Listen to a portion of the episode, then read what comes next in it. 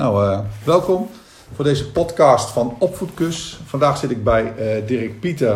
We hebben wat boeken om ons heen van Stefan Hermans, De Opgang. En van Marieke Lucas Rijneveld. Nou ja, het, zijn, het is een mooie omgeving om in te beginnen. Want je leest nogal veel, eh, Dirk Pieter, begrijp ik. Dat klopt. En wat leuk dat je mee wilt doen aan de podcast. Ja, en dat ik, een verhaal bij je mag ophalen. Ja. Ja.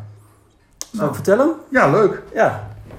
Nou, het is eigenlijk een, een verhaal waar ik zeg maar later, zeg maar in deze tijd, weer aan terugdacht in de tijd dat ik zelf kind was.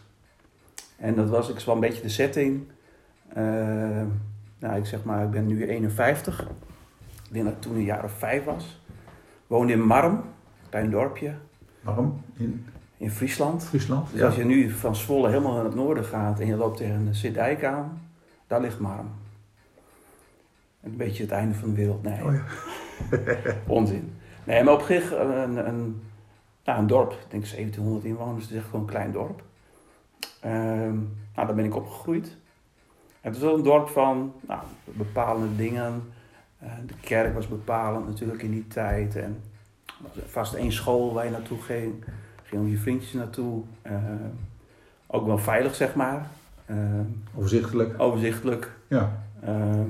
Mijn speelgebied was vrij groot, want het was het hele dorp, zeg maar. Dat, daar, daar kon je spelen en daar kon je naartoe. Dorp als speeltuin? Was speeltuin, ja, Prachtig, ja. ja. Ik, weet nog te herinneren dat ik net kon fietsen. Dat ik op de fiets werd geholpen en dan ging ik fietsen door het hele dorp. En dan was ik weer thuis. Maar ik ging overigens en dan stapte ik ergens af en dan dacht ik, shit, ik kon nog niet opstappen. En dan moest ik lopen naar huis met de fiets. Want dan had ik vergeten dat ik nog niet kon opstappen. Want zo groot was het dorp nou wel weer. Oh ja. Maar goed, ik, het verhaal wat ik zou willen vertellen is dat, dat waar ik dus ook aan terugdacht later. Had ik de hele tijd niet meer stil, bij stilgestaan, maar dat ging over. Uh, nou, dat je, dat je uh, als kind al gezien en erkend wordt in je mening en dat je over dingen nadenkt zelf. Mm -hmm. En uh, gaat dan over dat. Nou ja, dat. dat uh, loopt hij nog wel? Ja, ik check eventjes tussendoor. Dat is een beetje lastig, maar dat hij wel loopt, ja. ja. Maar in ieder geval dat ik... Uh, uh, nou, bij ons elk jaar was er een dorpsfeest. En ja. uh, nou, dat was natuurlijk vaak ook voor de kinderen leuk. En ook in de straat werd dan iets gedaan dat je met versierde wagen... En kinderen moesten vooral natuurlijk ook meedoen daarin. Dat was ook wel gebruikelijk. Ja. En dan was er een buurman die ging langs de deuren van tevoren om te vragen of er welke kinderen naar mee wilden doen. En ik was niet thuis en mijn moeder was thuis. En die buurman vroeg mijn moeder en zei mijn moeder, ja, ik moet het toch wel even aan de Pieter vragen. En dat keek die buurman toch wel een beetje van op. Die zei van, ja, alle kinderen doen mee, is toch leuk? En uh, moet je dat nog overleggen? Nou ja, dat moet ik wel even overleggen, want ik, ik vind wel dat hij dat zelf uh, moet, uh, iets van moet vinden. Nou ja, maar ik, mijn moeder had dat goed ingeschat. Ik wilde gewoon niet meedoen. Ik had er geen zin in. Terwijl alle buurjongetjes, iedereen deed mee. Ik, ik zag het niet zitten. En mijn moeder met mij daarover gehad en uh, nou, accepteerde ook mijn mening. En toen kwam die buurman bij de deur en die vond ook dat ik eigenlijk wel, uh, die vond eigenlijk maar vreemd. Dus ik stond ook bij de deur en hij op de knieën, hand op de schouder, mij op mij inpraten. En ik voelde me eigenlijk wel heel gesterkt, omdat ik door mijn moeder was, nou, had een goed gesprek gehad daarover. Klinkt nu een beetje zwaar, zo zwaar was het ook weer niet, maar goed, ik kan me nog wel heel goed herinneren. En dat ik mij wel heel gesterkt voelde door mijn moeder, die stond naast mij. En dat ik tegen die buurman ook gewoon zei van nee, ik ga het niet doen. Ik was vijf, zes jaar denk ik, ik was echt gewoon wel klein. En, uh, en die buurman echt wel verbaasd. Maar hij ging weg en mijn moeder die keek mij zo aan. Die zo van, goed gedaan. Heeft ze niet gezegd, maar dan kon ik gewoon merken dat ze eigenlijk wel goed vond dat ik bij mijn standpunt bleef, niet over liet halen. Ja. En uh, nou ja, een soort dat je mee wordt genomen in een beslissing. Terwijl in die tijd was eigenlijk heel gebruikelijk dat als kind werd er voor je besloten en ging je met dingen mee. En, uh, nou, dat gebeurde natuurlijk ook wel. Maar bij ons was het toch wel, over bepaalde dingen hadden we het gewoon. Er werd over gesproken. En dan mocht je ook een mening hebben. En die mocht ook anders zijn. Uh, en dat was prettig als kind. Ja. En als ik dat dan nu terughaal naar deze tijd, de klok uh, slaat. Ja, dus een, een stichtelijke klank op de ja, achtergrond. Op de achtergrond. Past wel een beetje misschien in die tijd. Maar, ehm nou ja, goed, in deze tijd heb je natuurlijk andere zaken waar je het dan over hebt. Maar mijn zoon ja, net als bij veel jongens, veel gamen, iPad, computer. En uh, nou, dat was al een, een, tijdje gaande dat we dachten van daar, dat, daar moeten we toch eens een keer over hebben of iets op bedenken. Dus ik zat het al een beetje in te vullen in, in tijd of uh, afspraken maken. Die ging ik invullen. En daar hadden we het al een keer over gehad. En ik denk, ja, dat werkt niet op een of andere manier. Want dan gaan we het wat opleggen, dan moet je dit en dan moet je dat. Mhm. Dus op een gegeven moment dacht ik van, ja, laat ik het nou eens anders doen. Dus ik had met hem een gesprek gehad van, nou, wat vind je nou zelf? Kun je er zelf invulling aan geven? Wat, wat zou jij dan goed vinden? En uh, qua tijd of, nou, mag je zelf bedenken. Nou, daar heeft hij toen over nagedacht. Toen had hij, eigenlijk had hij het al op papier gezet. Hij had gewoon een A4'tje gepakt, gewoon wat dingen opgeschreven. En hij had gewoon wat dingen bedacht. Ook in, had inderdaad met tijd te maken, dat hij het met een wekker zou bijhouden. En, uh, nou, en eigenlijk wat er stond, uh, ging zelfs nog wat verder dan ik zelf had bedacht. Maar had hij zelf bedacht. Dus ik dacht, nou, die kan ik eigenlijk helemaal niet op tegen zijn. Lijkt me hartstikke goed.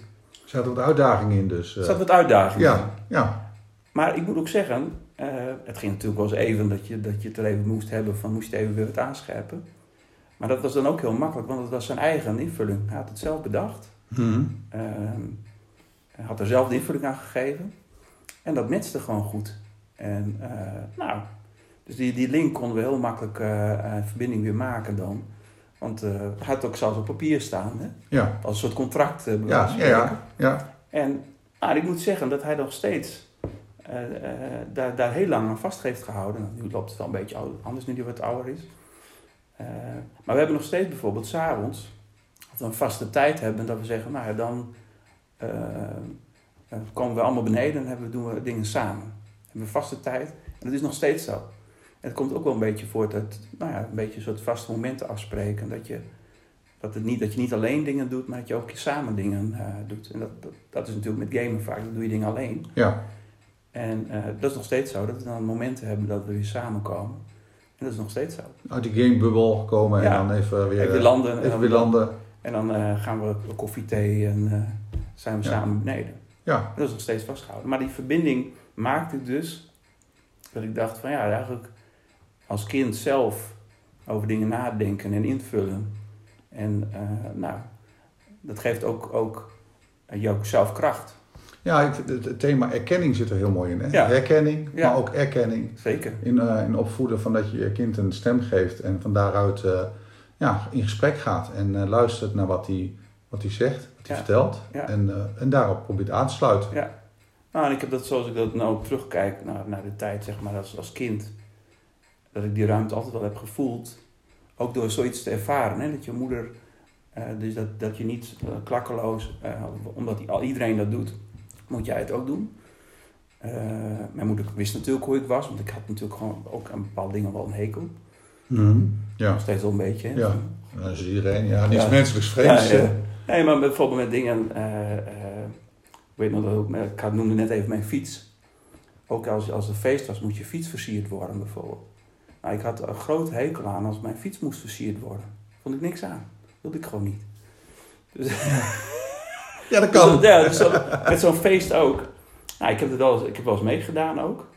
Dus ik wist ook wel wat het was. Dus het was niet zo van, eh, dat ik niet wist wat het was en daardoor niet wilde.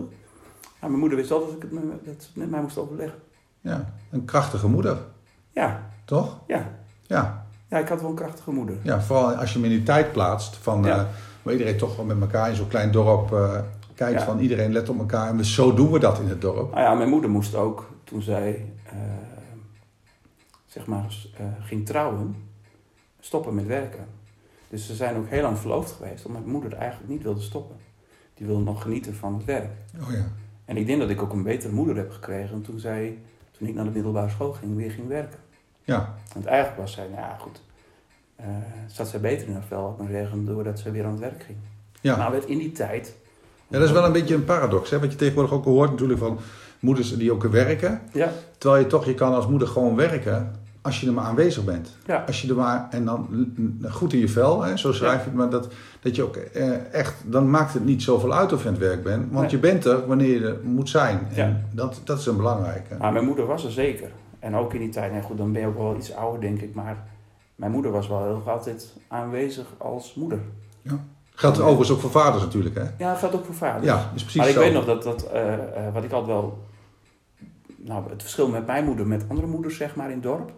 Dat als wij bij ons kwamen te spelen, wilde mijn moeder heel graag dat we even een kopje thee dronken. Met iets lekkers erbij. En dat we even aan tafel zaten.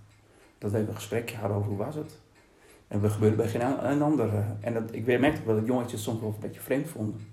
Ja, Maar mijn moeder vond het ook gezellig. Maar dan zaten we echt even aan tafel. Ja. Een gesprekje over Ja. de dag, bij wijze van spreken. ja, het kopje. Doe me denken aan Jan Terlouw, ook de sleutel uit de deur, zeg maar. Hè? En Ja. dat, dat is ook een beetje die tijd. Ja, ja, eh, ja. Ja. Maar ik, dat, dat zijn wel herinneringen die, die ik, als ik daar aan terugdenk, ik vond dat toen natuurlijk heel gewoon. Maar eigenlijk was het niet zo heel gewoon. Ja. Omdat je dat niet herkent bij anderen of niet hebt teruggezien, was dat bij ons wel heel gebruikelijk. Dat je dan, nou, gingen we toch even aan tafel. En een vriendje die kwam te spelen en die wilde liefst natuurlijk ook gaan spelen. ja, Maar mijn moeder vond dat we even een kopje thee moesten drinken. even een rustmomentje. En dan kregen we wel drie koekjes bij, dus dat Oh, was ja. altijd een bruggetje. Dan kon je wat makkelijker eh, aanschuiven. Ja. Maar dat eh, gebeurde dan altijd wel. Ja. Dat was wel mooi. Mooi, Ja, het kopje thee. kopje thee. Eh, nou, Dirk Pieter, een, een prachtig verhaal. En eh, net iets over de tijd, want ik probeer hem altijd binnen 10 minuten te houden, maar dat geeft niet. Oh. Eh, ik wil je danken voor dit verhaal. Graag En gedaan. eh, ja, ik hoop dat eh, de luisteraars hier eh, dat hoop ik ook. iets mee meenemen, zeg maar. Ja. Ja. Dank. Dankjewel. Bedankt.